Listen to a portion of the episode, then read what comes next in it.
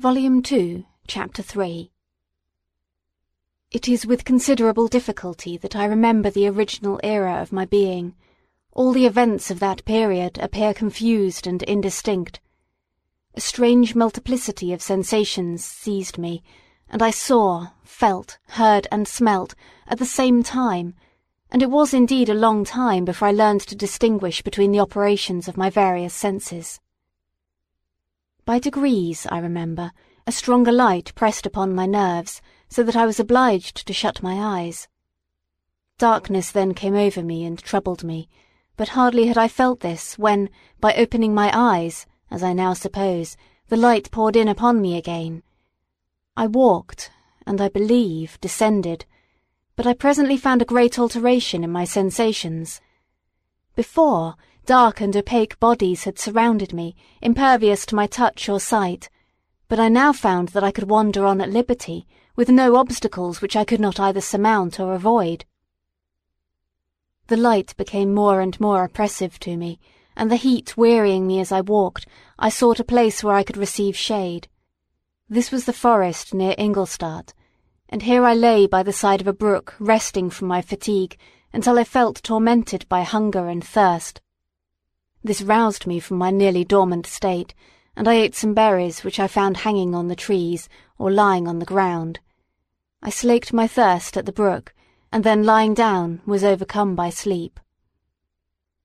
It was dark when I awoke. I felt cold also, and half frightened as it were instinctively, finding myself so desolate. Before I had quitted your apartment, on a sensation of cold, I had covered myself with some clothes, but these were insufficient to secure me from the dews of night. I was a poor, helpless, miserable wretch. I knew and could distinguish nothing, but feeling pain invade me on all sides, I sat down and wept.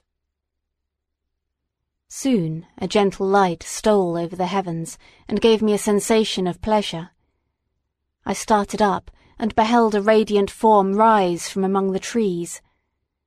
I gazed with a kind of wonder. It moved slowly, but it enlightened my path, and I again went out in search of berries. I was still cold, when under one of the trees I found a huge cloak, with which I covered myself, and sat down upon the ground. No distinct ideas occupied my mind, all was confused.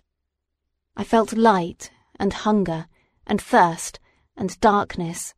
Innumerable sounds rung in my ears, and on all sides various scents saluted me. The only object that I could distinguish was the bright moon, and I fixed my eyes on that with pleasure. Several changes of day and night passed, and the orb of night had greatly lessened when I began to distinguish my sensations from each other. I gradually saw plainly the clear stream that supplied me with drink, and the trees that shaded me with their foliage. I was delighted when I first discovered that a pleasant sound, which often saluted my ears, proceeded from the throats of the little winged animals who had often intercepted the light from my eyes. I began also to observe with greater accuracy the forms that surrounded me, and to perceive the boundaries of the radiant roof of light which canopied me. Sometimes I tried to imitate the pleasant songs of the birds, but was unable. Sometimes I wished to express my sensations in my own mode, but the uncouth and inarticulate sounds which broke from me frightened me into silence again. The moon had disappeared from the night, and again with a lessened form showed itself while I still remained in the forest. My sensations had, by this time, become distinct, and my mind received every day additional ideas. My eyes became accustomed to the light, and to perceive objects in their right forms. I distinguished the insect from the herb, and, by degrees, one herb from another. I found that the sparrow uttered none but harsh notes, while those of the blackbird and thrush were sweet and enticing. One day, when I was oppressed by cold, I found a fire which had been left by some wandering beggars, and was overcome with delight at the warmth I experienced from it. In my joy I thrust my hand into the live embers, but quickly drew it out again with a cry of pain. How strange, I thought, that the same cause should produce such opposite effects. I examined the materials of the fire, and to my joy found it to be composed of wood. I quickly collected some branches, but they were wet and would not burn. I was pained at this, and sat still watching the operation of the fire. The wet wood which I had placed near the heat dried, and itself became inflamed. I reflected on this, and, by touching the various branches, I discovered the cause, and busied myself in collecting a great quantity of wood, that I might dry it and have a plentiful supply of fire. When night came on, and brought sleep with it, I was in the greatest fear lest my fire should be extinguished. I covered it carefully with dry wood and leaves, and placed wet branches upon it, and then, spreading my cloak, I lay on the ground and sunk into sleep. It was morning when I awoke, and my first care was to visit the fire. I uncovered it, and a gentle breeze quickly fanned it into a flame. I observed this also, and contrived a fan of branches, which roused the embers when they were nearly extinguished. When night came again, I found with pleasure that the fire gave light as well as heat, and that the discovery of this element was useful to me in my food, for I found some of the offals that the travellers had left had been roasted, and tasted much more savoury than the berries I gathered from the trees. I tried, therefore, to dress my food in the same manner, placing it on the live embers. I found that the berries were spoiled by this operation, and the nuts and roots much improved. Food, however, became scarce, and I often spent the whole day searching in vain for a few acorns to assuage the pains of hunger. When I found this, I resolved to quit the place that I had hitherto inhabited, to seek for one where the few wants I experienced would be more easily satisfied. In this emigration, I exceedingly lamented the loss of the fire which I had obtained through accident, and knew not how to reproduce it.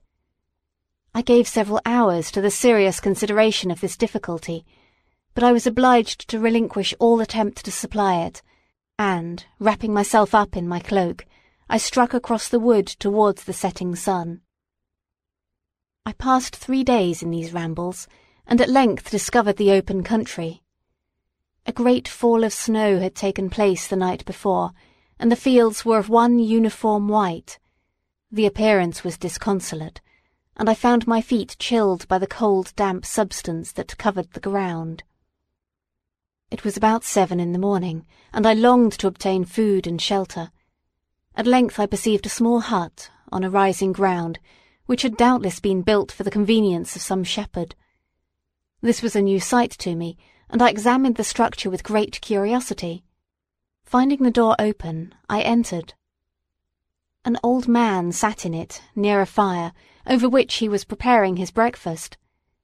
He turned on hearing a noise, and perceiving me, shrieked loudly, and quitting the hut, ran across the fields with a speed of which his debilitated form hardly appeared capable. His appearance, different from any I had ever before seen, and his flight, somewhat surprised me. But I was enchanted by the appearance of the hut. Here the snow and rain could not penetrate, the ground was dry, and it presented to me then as exquisite and divine a retreat as pandemonium appeared to the demons of hell after their sufferings in the lake of fire. I greedily devoured the remnants of the shepherd's breakfast, which consisted of bread, cheese, milk, and wine. The latter, however, I did not like. Then, overcome by fatigue, I lay down among some straw and fell asleep.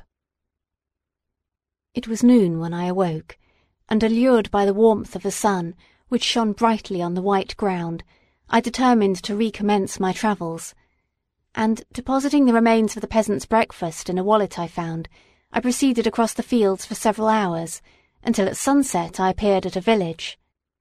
How miraculous did this appear! The huts, the neater cottages and stately houses engaged my admiration by turns. The vegetables in the gardens, the milk and cheese that I saw placed at the windows of some of the cottages, allured my appetite. One of the best of these I entered, but I had hardly placed my foot within the door before the children shrieked and one of the women fainted. The whole village was roused, some fled, some attacked me, until grievously bruised by stones and many other kinds of missile weapons, I escaped to the open country, and fearfully took refuge in a low hovel, quite bare, and making a wretched appearance after the palaces I had beheld in the village. This hovel, however, joined a cottage of a neat and pleasant appearance, but after my late dearly bought experience, I dared not enter it. My place of refuge was constructed of wood, but so low that I could with difficulty sit upright in it. No wood, however, was placed on the earth which formed the floor, but it was dry, and although the wind entered it by innumerable chinks, I found it an agreeable asylum from the snow and rain. Here, then, I retreated and lay down, happy to have found a shelter, however miserable, from the inclemency of the season, and still more from the barbarity of man. As soon as morning dawned, I crept from my kennel, that I might view the adjacent cottage, and discover if I could remain in the habitation I had found. It was situated against the back of the cottage, and surrounded on the sides which were exposed by a pigsty and a clear pool of water. One part was open, and by that I had crept in, but now I covered every crevice by which I might be perceived with stones and wood, yet in such a manner that I might move them on occasion to pass out. All the light I enjoyed came through the sty, and that was sufficient for me. Having thus arranged my dwelling, and carpeted it with clean straw, I retired, for I saw the figure of a man at a distance, and I remembered too well my treatment the night before to trust myself in his power. I had first, however, provided for my sustenance for that day by a loaf of coarse bread which I purloined, and a cup with which I could drink, more conveniently than from my hand, of the pure water which flowed by my retreat. The floor was a little raised, so that it was kept perfectly dry, and by its vicinity to the chimney of the cottage it was tolerably warm. Being thus provided, I resolved to reside in this hovel until something should occur which might alter my determination. It was indeed a paradise compared to the bleak forest, my former residence, the rain-dropping branches and dank earth. I ate my breakfast with pleasure, and was about to remove a plank to procure myself a little water, when I heard a step, and looking through a small chink, I beheld a young creature, with a pail on her head, passing before my hovel. The girl was young and of gentle demeanour, unlike what I have since found cottagers and farmhouse servants to be. Yet she was meanly dressed, a coarse blue petticoat and a linen jacket being her only garb. Her fair hair was plaited, but not adorned. She looked patient, yet sad. I lost sight of her, and in about a quarter of an hour she returned, bearing the pail, which was now partly filled with milk. As she walked along, seemingly incommoded by the burden, a young man met her, whose countenance expressed a deeper despondence. Uttering a few sounds with an air of melancholy, he took the pail from her head and bore it to the cottage himself. She followed, and they disappeared. Presently I saw the young man again, with some tools in his hand, cross the field behind the cottage, and the girl was also busied, sometimes in the house and sometimes in the yard. On examining my dwelling, I found that one of the windows of the cottage had formerly occupied a part of it, but the panes had been filled up with wood. In one of these was a small and almost imperceptible chink, through which the eye could just penetrate. Through this crevice a small room was visible, whitewashed and clean, but very bare of furniture. In one corner, near a small fire, sat an old man, leaning his head on his hands in a disconsolate attitude.